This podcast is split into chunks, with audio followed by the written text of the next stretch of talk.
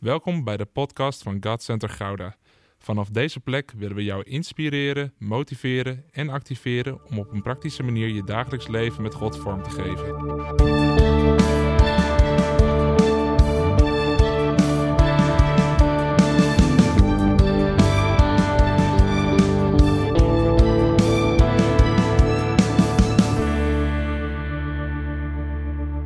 Ik, eh, ik, ik ben al een paar, paar maanden ben ik bezig met eh, deze boodschap, omdat die zo sterk op mijn hart lag.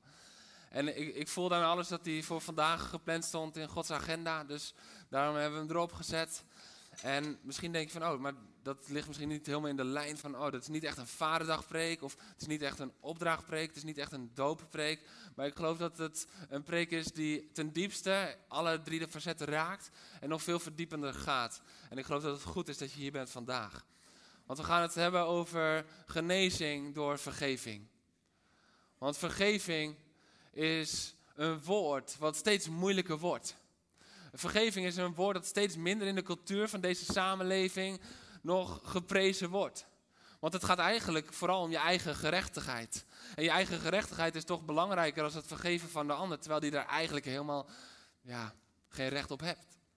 Want dat denken we vaak. Diegene heeft er eigenlijk helemaal geen recht op. Want er is geen berouw.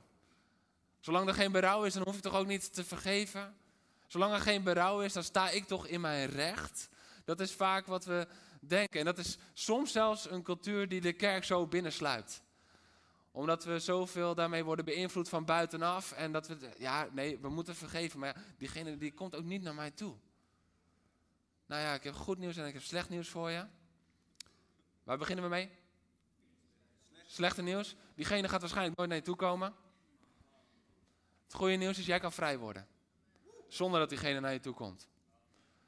Want dat zien we in de Bijbel, we zien het in verschillende verhalen. We zien hoe mannen en vrouwen van God vrij worden, omdat ze kiezen voor vergeving, nog voordat die ander naar ze toe komt. En in vele gevallen komen ze uiteindelijk helemaal nooit naar ze toe. Dus dat is het slechte nieuws. Als jij zit te wachten op dat diegene toenadering gaat zoeken. Als jij zit te wachten op van ja, maar er moet toch een helder moment komen bij diegene. Hmm, waarschijnlijk niet. Misschien wel. Maar hoe krachtig is het dan als je kan zeggen, ik heb je al vergeven. En dat niet goedkoop, maar echt, doorleefd vergeven.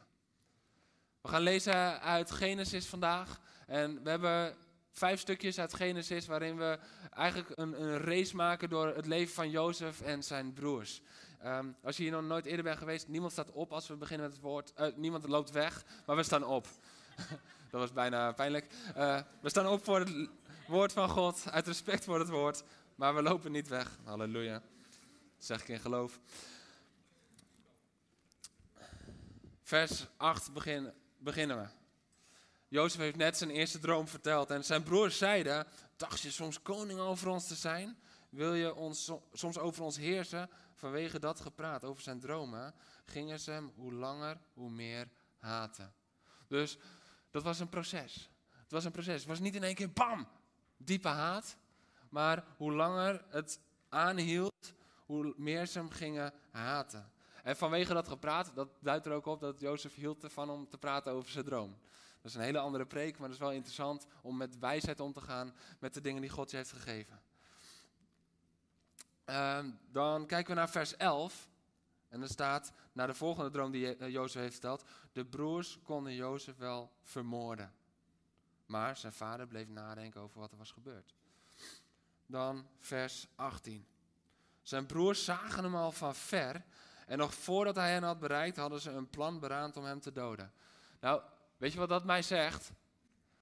Dat het al lang in hun hart was. Ze hoefden geen keuze meer te maken. Willen we vermoorden? Nee, ze moesten alleen nog overgaan op het plan.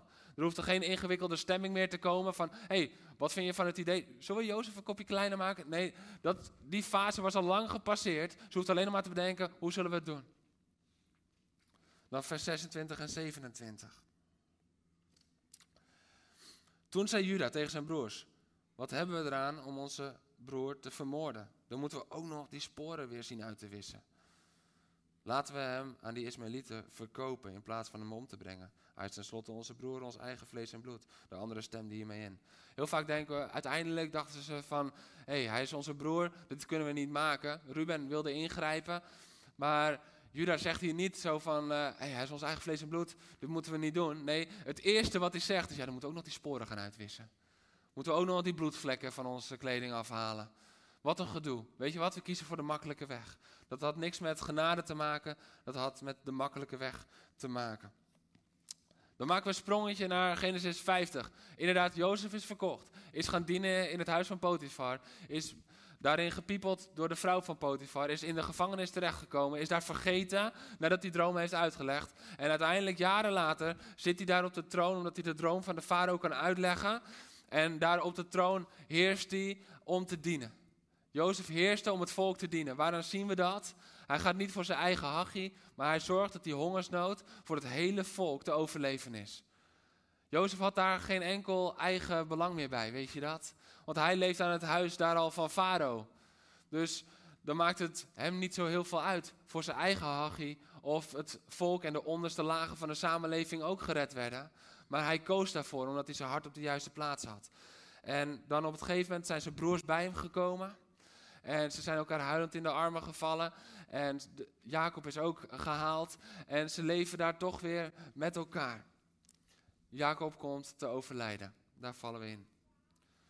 Nu hun vader er niet meer was, zeiden Jozefbroers tegen elkaar: Als Jozef zich nu maar niet tegen ons keert en zich wreekt voor alle ellende die we hem hebben aangedaan. Daarom lieten ze hem de volgende boodschap brengen. Voordat hij stierf, heeft vader ons opgedragen je dit verzoek over te brengen. Vergeef je broers een schandelijke misdaad, Jozef.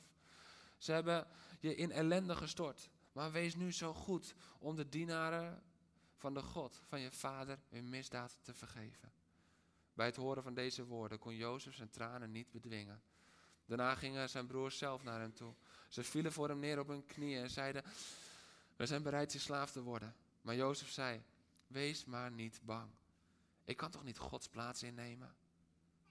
Jullie hadden kwaad tegen mij in zin, maar God heeft dat ten goede gekeerd. Om te bewerken wat er nu gebeurt, dat er een groot volk in leven blijft. Wees dus niet bang. Ik zal zelf voor jullie en jullie kinderen zorgen. Zo troost hij hen en stelde hij hen gerust. Je mag lekker gaan zitten. Vandaag kijken we naar Jozef en zijn broers. Vandaag kijken we naar vergeving en bitterheid. En vandaag kijken we naar vrijheid en gebondenheid. We zien die facetten allemaal in dit verhaal terugkomen. En vandaag kijken we naar Jozef en zijn broers, maar vandaag hebben we het over jou en de broers in jouw leven. En sommigen kijken we nu aan zo van, zo, dit is voor mijn buurman, ik heb geen broer. Maar iedereen heeft een broer in zijn leven. Iedereen heeft een broer in haar leven. Als het gaat over dit verhaal. Iedereen als we ons even typeren als Jozef, heeft een broer in zijn of haar leven. En die broer die kan een collega zijn, die broer die kan een schooljuf of een schoolmeester zijn, die broer die kan een vader zijn, die kan een moeder zijn. Een opa of een oma. Die broer die kan zelfs naast je zitten op dit moment. Dat maakt het ongemakkelijk. Maar het is wel waar. En heel vaak wachten we dan met vergeven totdat de ander toenadering zoekt of wil veranderen. Maar de eerste les van vandaag is vergeven voor veranderen. Vergeven voor veranderen. Want we zien in dit verhaal, we zien dat Jacob is gestorven en de broers van Jozef, ze zijn geen steek veranderd. Maar vergeving heeft Jozef veranderd. De broers die waren geen steek veranderd. Nog steeds leugen en bedrog. Dat is het eerste wat erin zo opkomt. De situatie wordt onveilig. Ze voelde zich daar ook niet geliefd toen Jozef dat lievelingetje van papa was. En ze begon hem te haten. En ze wilde hem vermoorden. En ze ging ook over tot vermoorden. Maar nu voelen ze zich onveilig. En het eerste waar ze weer in schieten is hun veiligheidsmechanisme. We moeten liegen. We moeten ons eigen hachje redden. En dat is wat ze dan ook doen. En we zien dan ook dat de broers liegen over de woorden van hun dode vader. Dat gaat ver. Eerst logen ze over de dood tegen hun vader en nu liegen ze over hun dode vader. Er is een patroon in het leven van de broers. En dat is eigenlijk heel verdrietig. Eigenlijk zouden we medelijden met ze moeten hebben. Want zo vaak zetten we ze weg als de, de, de grote boze broers van Jozef. Maar eigenlijk zijn ze heel zielig. Want ze zitten vast in dat patroon. En Jozef kon dan zijn tranen niet bedwingen. Op het moment dat die woorden tot hem kwamen. Weet je waarom? Omdat het hem pijn deed dat de vergeving die hij jaren eerder, toen ze bij hem kwamen in Egypte, al had geschonken. Ze hadden het nog steeds niet gepakt. Ze leefden er nog steeds niet uit. Hij zag daaraan, mijn broers die leven nog steeds gebonden. En daardoor ben ik nog steeds niet aan hen verbonden, want dat deed pijn. Want hij dacht dat het weer oké was. Want hij had vergeven. Maar het was nog helemaal niet oké. Voor de broers. Want ze waren bang. En Jozef huilde. Jaren, jaren, jaren. Nadat hij ze al had vergeven.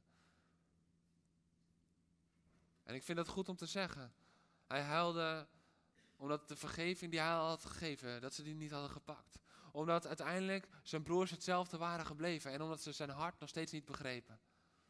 Het kan zijn dat jij iemand hebt vergeven en dat je jaren later er nog steeds om moet huilen.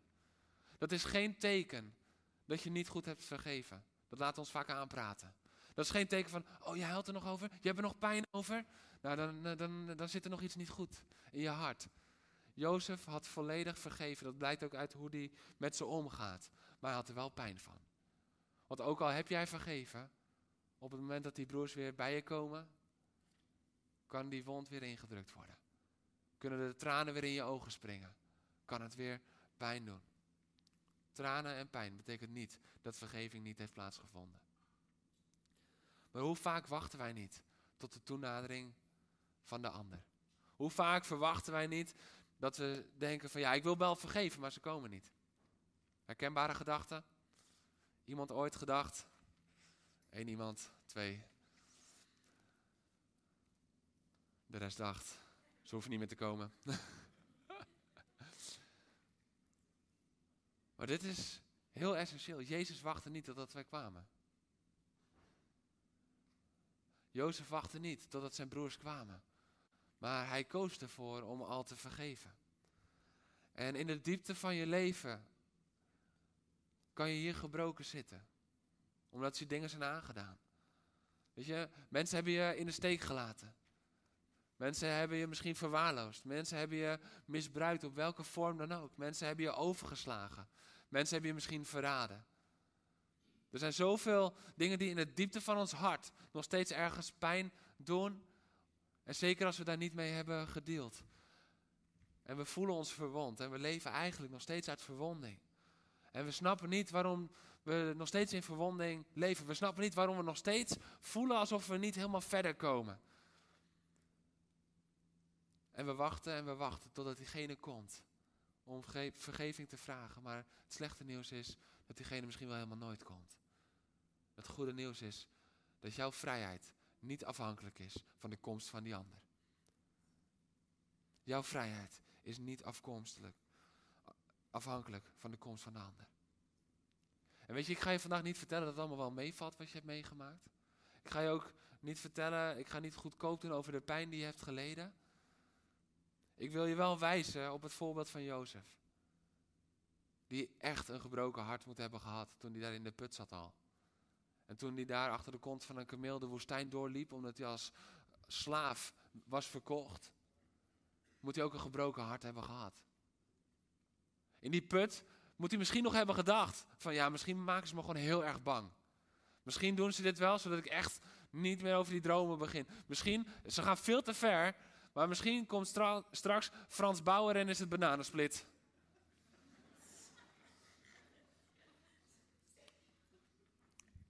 Maar Frans kwam niet om de hoek kijken. Want het was echt. En toen hij daar liep en hij zag zijn broers achter hem. En die werden kleiner en kleiner en het werden stipjes. Toen moet hij daar met een gebroken hart die hele voetreis naar het slavenhuis van Potifar zijn gegaan. We doen niet makkelijk daarover, maar hij wist wel de weg te bewandelen om genezing te vinden. Want uiteindelijk als je dat hele verhaal helemaal tot je neemt, dan kom je erachter. Toen Jozef in de gevangenis zat, was hij vrijer dan zijn broers bij de vader. Dat is de waarheid. Jozef was veel vrijer, want hij diende en hij, hij gaf zich helemaal. En, en hij gehoorzaamde God, hij wandelde met God. God zette hem zijn vrucht bij, de vrucht van zijn leven. En die broers, die broers, die zaten nog steeds met schuldgevoel. Die zaten nog steeds gevangen. Want zelfs jaren later, als ze in Egypte leven, zitten ze nog steeds gevangen. In angst. In angst voor wat ze hebben gedaan. Maar zorg dat je niet blijft vasthouden wat jou is aangedaan. Jozef had losgelaten. Jozef had losgelaten. En daardoor kon hij verder met zijn leven. Maar zo vaak houden we krampachtig vast wat ons in het verleden is aangedaan. En we kunnen niet loskomen. Vergeving brengt genezing. Jouw vrijheid ligt niet in de verandering van de ander, maar in jouw vergeving.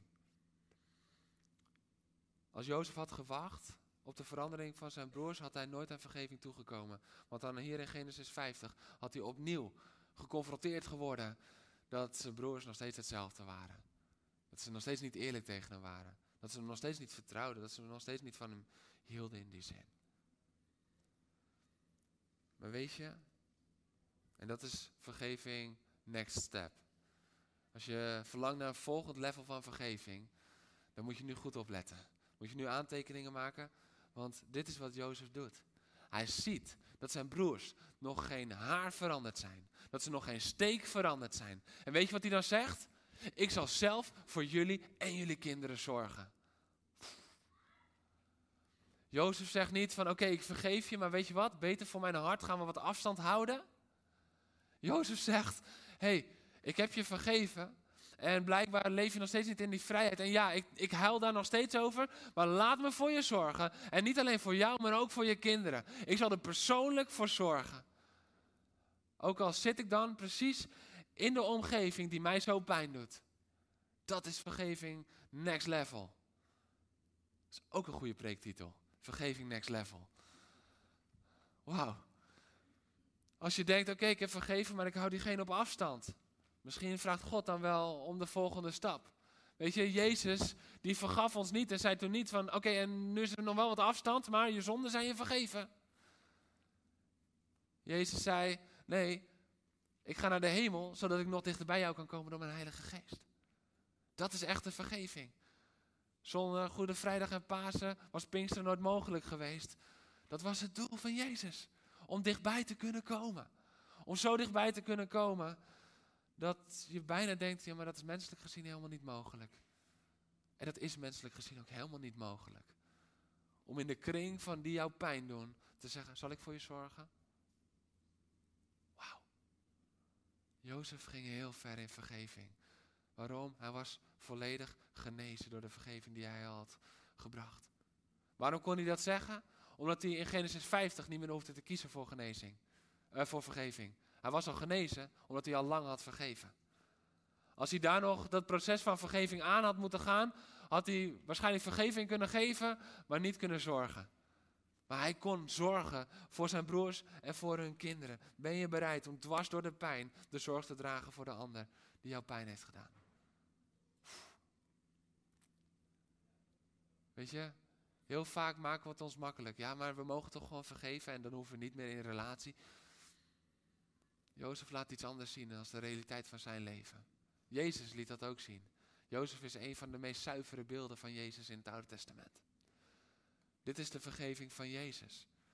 Die verder gaat als vergeven en afstand houden. Nee, die is vergeven en weer dichtbij trekken. Ook al verandert die ander niet. Vaak is de verandering van de ander de voorwaarde voor opnieuw de relatie aangaan. Jezus zei, ik ga eerst de relatie aan. En in die relatie zal ik je helpen te veranderen. Maar ook als je niet helemaal verandert naar mijn beeld, dan ben je nog goed genoeg door het offer dat ik bracht. Dat is genade, dat is vergeving. Want weet je, in dit verhaal zien we wat bitterheid doet en wat vergeving doet. Vergeving maakt vrij. Vergeving geneest. Vergeving zorgt dat jij wat kan doen, de extra mijl kan gaan die je menselijk gezien niet kan trekken. Maar dat is wat vergeving doet. Bitterheid is precies de andere kant. Want we houden ervan om te identificeren met Jozef. Maar even een kleine identificatiemoment met de broers. Wat doe jij met de mensen die jou iets hebben aangedaan? die jij niet kan uitstaan? Wat doe jij met de mensen die jou in jouw allergiezone zitten? Weet je, Jozef was het lievelingetje. Was dat eerlijk? Nee. Dat was onrecht voor hun. Er werd hun onrecht aangedaan. Daar gaan we vaak aan voorbij, hè? Maar er werd de broers onrecht aangedaan. Want als een van de kinderen zwaar wordt voorgetrokken, dan is dat onrecht. Dat doet pijn. Niet alleen Jozef had pijn, de broers hadden ook pijn. En Jozef die was waarschijnlijk wel best wel een beetje arrogant. Met zijn kleed. Weet je, het zegt veel over Jozef dat als hij naar de broers toe gaat, dat hij dat kleed draagt dat zijn vader voor hem heeft gemaakt. Als je een klein beetje empathische broer bent, denk je, nou, dat zit misschien wel in de pijnzone van mijn broers. Maar hij dacht, hier kom ik. En hij bleef het ook maar over die dromen hebben. Lezen we in Genesis 37. Is niet handig. Dus was Jozef onhandig of arrogant of irriterend? Was dat leuk? Nee. Maar wat gebeurt er? Er vindt geen liefde en vergeving plaats in het hart van de broers. En waar geen vergeving plaatsvindt, komt altijd bitterheid. Waar geen vergeving plaatsvindt, komt altijd bitterheid. En misschien denk je van, ja, nee, maar weet je, eh, bij mij is het alleen pijn. Of alleen boosheid. Of alleen teleurstelling. De tijd maakt van alles bitterheid. Als we het niet opruimen. Want stilstaande boosheid wordt bitterheid. Stilstaande teleurstelling wordt bitterheid. En daarom is het zo belangrijk dat we kiezen voor vergeving. Want als vergeving niet komt, dan komt er afstand. Er was afstand tussen de broers en Jozef. Als vergeving dan niet komt, dan komt er afgunst. Dan is het niet alleen maar meer op een afstandje houden, maar oh, ik kan er niet uitstaan. En dan wordt het ook praten onderling over. Dat is wat de broers ook deden. Onderling hadden ze het over Jozef. Hoe zullen we hem aanpakken? Als er geen vergeving komt, dan komt er wel vergelding. Want jij hebt toch het recht daarop? Jij hebt toch het recht? Je hebt het recht op vergeving. Als vergeving niet komt, dan komt er zonde. Als vergeving niet komt, komt er bitterheid. De broers baalden eerst. Daarna konden ze hem niet uitstaan. Daarna begonnen ze hem te haten. Staat letterlijk opgeschreven. En daarna konden ze hem wel vermoorden. En daarna wilden ze hem vermoorden. Dat is wat bitterheid doet. Wanneer je bitterheid toelaat in je hart, zal het altijd de zuiverheid van je handelen beïnvloeden. Denk niet dat je gezond kan leven met bitterheid in je hart. Want uiteindelijk zal het altijd je handelen beïnvloeden. En weet je wat het meest verdrietige is? Hier richt het zich op Jozef. Maar heel vaak, als wij niet dealen met bitterheid, dan sluiten we die persoon waarom het gaat, sluiten we helemaal buiten. En vanuit dat we die hebben buitengesloten, gaan we onze bitterheid botvieren op anderen. Anderen zijn de dupe van onze bitterheid. Het is tijd dat de kerk weer leeft in vrijheid, in genezing, zonder enkele vorm van bitterheid. Iedereen heeft het recht op jouw vergeving. Hoe diep dat ook gaat. En daarmee bedoel ik niet dat het allemaal makkelijk is, maar iedereen heeft het recht op jouw vergeving. Want jij had het recht op de vergeving van Jezus. En dat maakt dat iedereen recht heeft op jouw vergeving. Wie in jouw leven ban je? En wie in jouw leven kan je alleen nog maar kwaad over spreken? Is het echt een broer of een zus? Is het die collega?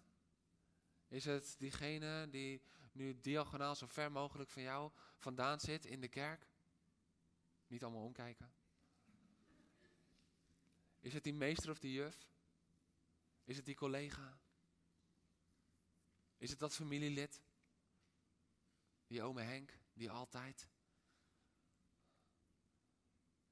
Wie is het in jouw leven? Wie is de Jozef van jouw leven? We houden ervan, hè? Wie zijn de broers in mijn leven? Maar wie is de Jozef in jouw leven tegen wie je bitterheid hebt opgebouwd? Het is tijd om te breken met bitterheid. Want die bitterheid zal je uiteindelijk naar beneden gaan trekken. En weet je waar ik achter ben gekomen? Heel veel mensen dragen bitterheid als een sieraad. Wist je dat? Ze dragen het als een sieraad. Want ze vinden dat het laat zien dat ze in hun gelijk staan. Ze vinden dat dit sieraad het bewijs is van ja, ik heb recht om boos te zijn. Ze vinden dat dit sieraad inderdaad laat zien van ja, maar hey, ik sta toch in mijn gelijk? En ze tonen het dan ook vaak aan anderen. Van ja, weet je, dit en dit is mij aangedaan. En het, of het drukt ze naar beneden, of langzaam iedere keer dat het langer duurt en langer duurt, verstikt het ze. Want dat is wat bitterheid doet. Soms denken we van, oh, ik draag het als een sieraad, want ik sta in mijn recht. Want dit is mij aangedaan. Is me aangedaan door mijn broer. Is me aangedaan toen die vriend me keihard liet vallen. En daarom mag ik nu. En ik mag me gelijk blijven halen. Maar God wil je laten zien vandaag. Je wordt er erg benauwd van. Je kan niet in vrijheid leven. Het verstikt je. En langzaam maar zeker is bitterheid een sluipmoordenaar in je leven. En het drukt je naar beneden. En je gaat gebukt. Want we zingen dat we vrij willen leven. Maar we denken, waarom breekt dat nog niet helemaal door? Omdat je het nog draagt als sieraad. In plaats van als getuigenis. Hé, hey, er zijn mij dingen aangedaan. En ik ga niet kwaad spreken over diegene. Maar ik heb bitterheid overwonnen. Ik heb gekozen voor vergeving. En daarom ben ik de baas over deze ketting. Ik ben de baas geworden over dat wat mij wilde verstikken. Ik ben de baas geworden over dat wat mij beneden wilde houden. Waarom? Om vergeving. En heb ik dat uit eigen kracht gedaan? Nee, nee, nee, nee, nee. Dat heb ik alleen maar uit de kracht van Jezus gedaan. Die alles droeg voor mij daar aan het kruis. Maar het graf, dat was leeg geworden. En dat blijft leeg. Nu mag ik leven als overwinnaar. Nu mag ik leven met een getuigenis. En daarmee druk ik niet weg wat mij is aangedaan, maar getuig ik over de genade en de vrede en de vergeving van God. Die zoveel groter is, zoveel mooier is, zoveel sterker is als wat mij is aangedaan. Het is tijd om van sieraad naar getuigenis te gaan. Het is tijd om dat sieraad weg te doen en met een getuigenis te gaan leven. En het dan ook los te laten, zodat je in vrijheid kan leven. Zolang je het oude vasthoudt, zal je nooit in vrijheid leven. Maar jij bent gemaakt voor vrijheid. Jij bent gemaakt om gezond te leven. Jij bent gemaakt en geroepen om te vergeven. Je bent al vergeven. Dat heeft jou al vrij gemaakt. Maar zo vaak binden we onszelf weer opnieuw door zelf niet te vergeven. Breek met bitterheid. Als ik moet kiezen tussen de broers en Jozef, dan wil ik Jozef zijn. Want ik ben vrijer in de gevangenis. Als in aanwezigheid van een vader die ik iedere keer weer onder ogen moet komen over mijn leugen. Dat ik mijn broer heb verkocht. Uit bitterheid. Bitterheid vreet je op. Het houdt je gevangen. Het laat je sterven. Je leeft verwond en houdt die verwonding in stand door bitterheid te blijven voeden. Vergeving brengt genezing. Vergeving breekt bitterheid. En ik zei het net al. Iedereen heeft recht op jouw vergeving. Want jij kreeg Gods vergeving. En dit is iets wat we zeker tegenwoordig moeilijk vinden om te horen. Want die ander heeft het recht niet. Nee, die ander heeft het recht niet om jouw leven kapot te maken. Maar jij hebt het recht op vrijheid. Jij hebt het recht niet om bitter te blijven. God wil jou vrijmaken. Ook als die ander niet verandert. Ook als die ander geen, het niet voor elkaar krijgt. Dat is verdrietig voor die ander, maar dat is geen excuus om niet te vergeven. Als Jezus niet gestorven was voor iedereen die niet zou willen veranderen, hadden we een groot probleem. Heel groot probleem, al meer dan 2000 jaar lang. Een groot probleem. Iedereen verdient onze vergeving. Niet omdat ze je om vergeving vragen, niet omdat ze hun leven veranderen, niet omdat ze berouw tonen, maar omdat goddelijke vergeving geschonken wordt zonder voorwaarden. Goddelijke vergeving wordt geschonken zonder voorwaarden. Daarom kunnen we zeggen dat Jezus voor een ieder die in hem gelooft, is gestorven. Niet een ieder die in hem gelooft en zijn leven binnen drie jaar op orde had. Niet een ieder die in hem gelooft en dan in de twintig jaar die nog volgen de volgende stappen zet. Nee, een ieder die in hem gelooft. Dat is meer dan genoeg. Niets hield hem tegen, niets hield hem terug. Hij ging de hele weg. Hij heeft alles gedragen. En weet je, die Jezus, die wist wat goddelijke vergeving was. die wist hoe het was om de onderste, de onderste, van de onderste, van de onderste, van de onderste weg te gaan. Weet je, misschien denk je van, ja maar Jeroen, dan moet ik zo'n zo'n onderste weg gaan. Jezus ging een diepere weg dan wij ooit zullen gaan. En hij is ons voorbeeld daarin. En nogmaals, niet om het makkelijk te maken, maar om te weten dat hoe onderste, onderste, onderste weg jij ook moet gaan. Je bent niet alleen, want hij is daaronder nog een weg gegaan. Dus hij kan jou dragen in die onderste weg. Dat is wat hij deed daar. Dat is waarom hij de hele weg ging daar aan het kruis. En dan zegt hij in zijn belangrijkste toespraak, de bergreden. We noemen het hier ook vaak de koninklijke toespraak. Dan zegt hij, een oog om een uh, oog en een tand om een tand wordt er gezegd. Maar ik zeg jullie, wie je de rechterwang slaat, moet je ook de rechterwang toekeren. En dan heel vaak wordt erachter gezegd, maar je moet natuurlijk niet over je heen laten lopen. En dan worden alle nuances gemaakt. En alle nuances zijn waarschijnlijk ook heel veel waar. Maar zo het vandaag is gewoon houden bij, hé, hey, als iemand je slaat op die rechterwang, keer ook die andere toe. Want Jezus deed er geen toevoeging achteraan. Hij leerde ons daar wat echte vergeving is. Vergeef ons onze schulden, zo ook, zoals wij ook hebben vergeven die ons iets schuldig zijn. Onze Vader. Midden in de toespraak. Hij leert ons bidden. Want als jullie anderen hun misstappen vergeven, zoals de Hemelse Vader jullie ook heeft vergeven, uh, zal de Hemelse Vader jullie ook vergeven. Maar als je een ander niet vergeeft, zal de Hemelse Vader jullie misstappen evenmin vergeven. Matthäus 6, net na het Onze Vader. Oordeel niet opdat er niet over jullie geoordeeld wordt. Matthäus 7, vers 1. Weet je dat de bergreden een grote toespraak tegen bitterheid was? En nog veel meer. Maar een van de agendapunten van Jezus was de bergreden tegen bitterheid. Want zo vaak kiezen we ervoor. Jij bent geroepen om de ander te vergeven. En dat voelt misschien als de extra mijl gaan. Maar ook daarin spreekt, daarover spreekt Jezus. In Matthäus 5, midden in die toespraak. Dan heeft hij het ook over die extra mijl gaan. Weet je, Esau die had de extra mijl al gelopen voordat Jacob terugkwam. Wist je dat? Want Esau die, die kwam zo op hem af. Jacob die had de eerste 80% van de rit had hij achteraan gelopen uit angst voor zijn broer. Toen ging hij voorop lopen en Esau kwam zo naar hem toe lopen.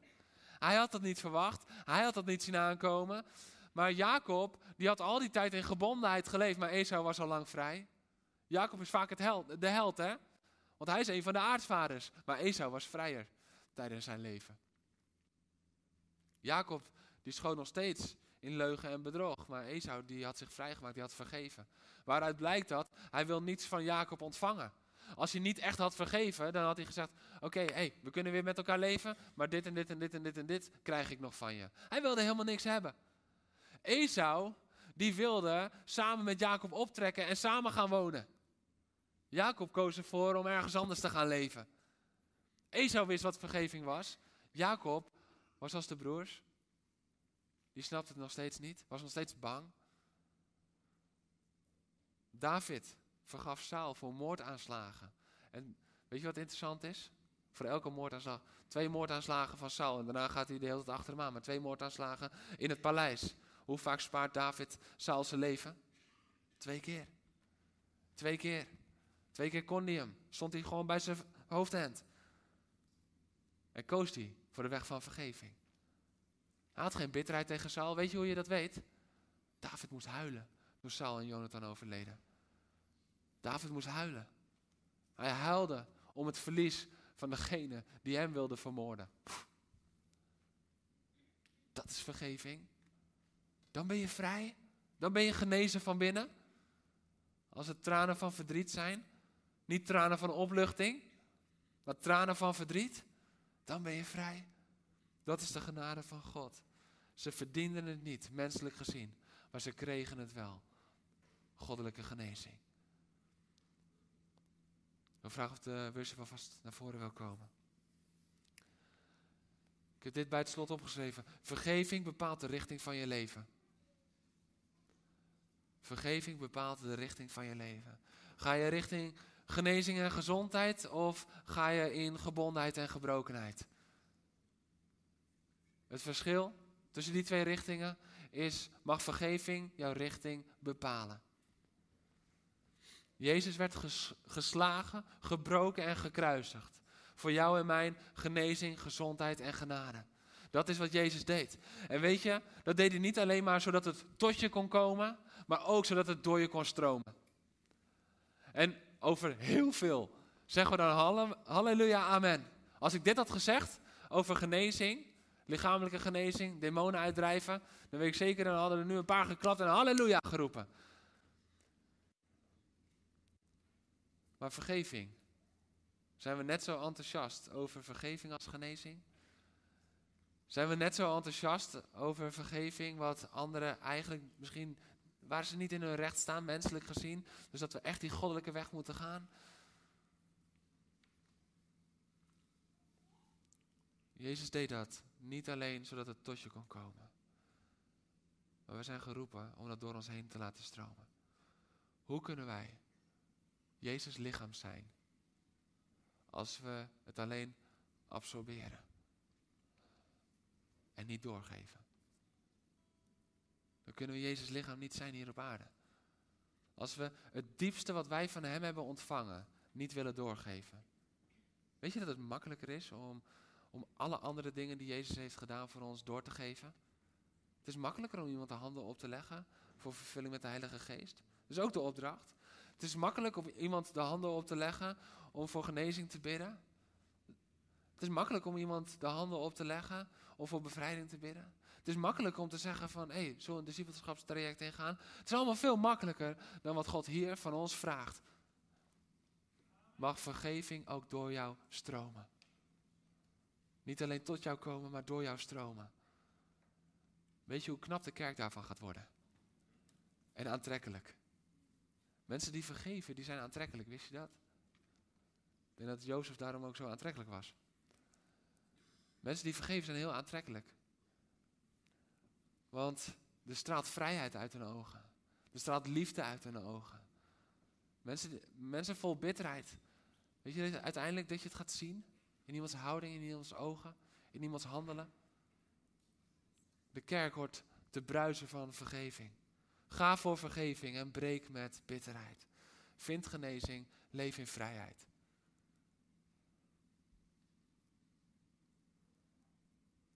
En vandaag wil God daarin dichtbij komen. Hij wil dichtbij komen.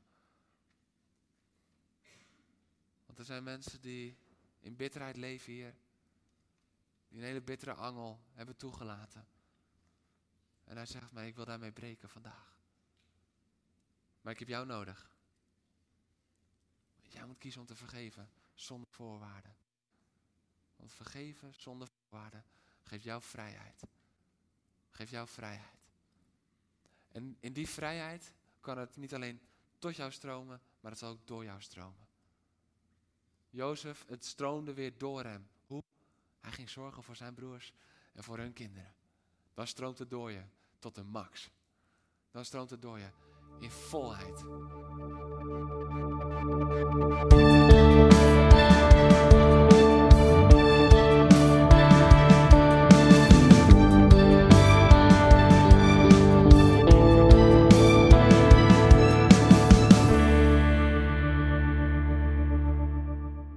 Bedankt voor het luisteren naar deze podcast.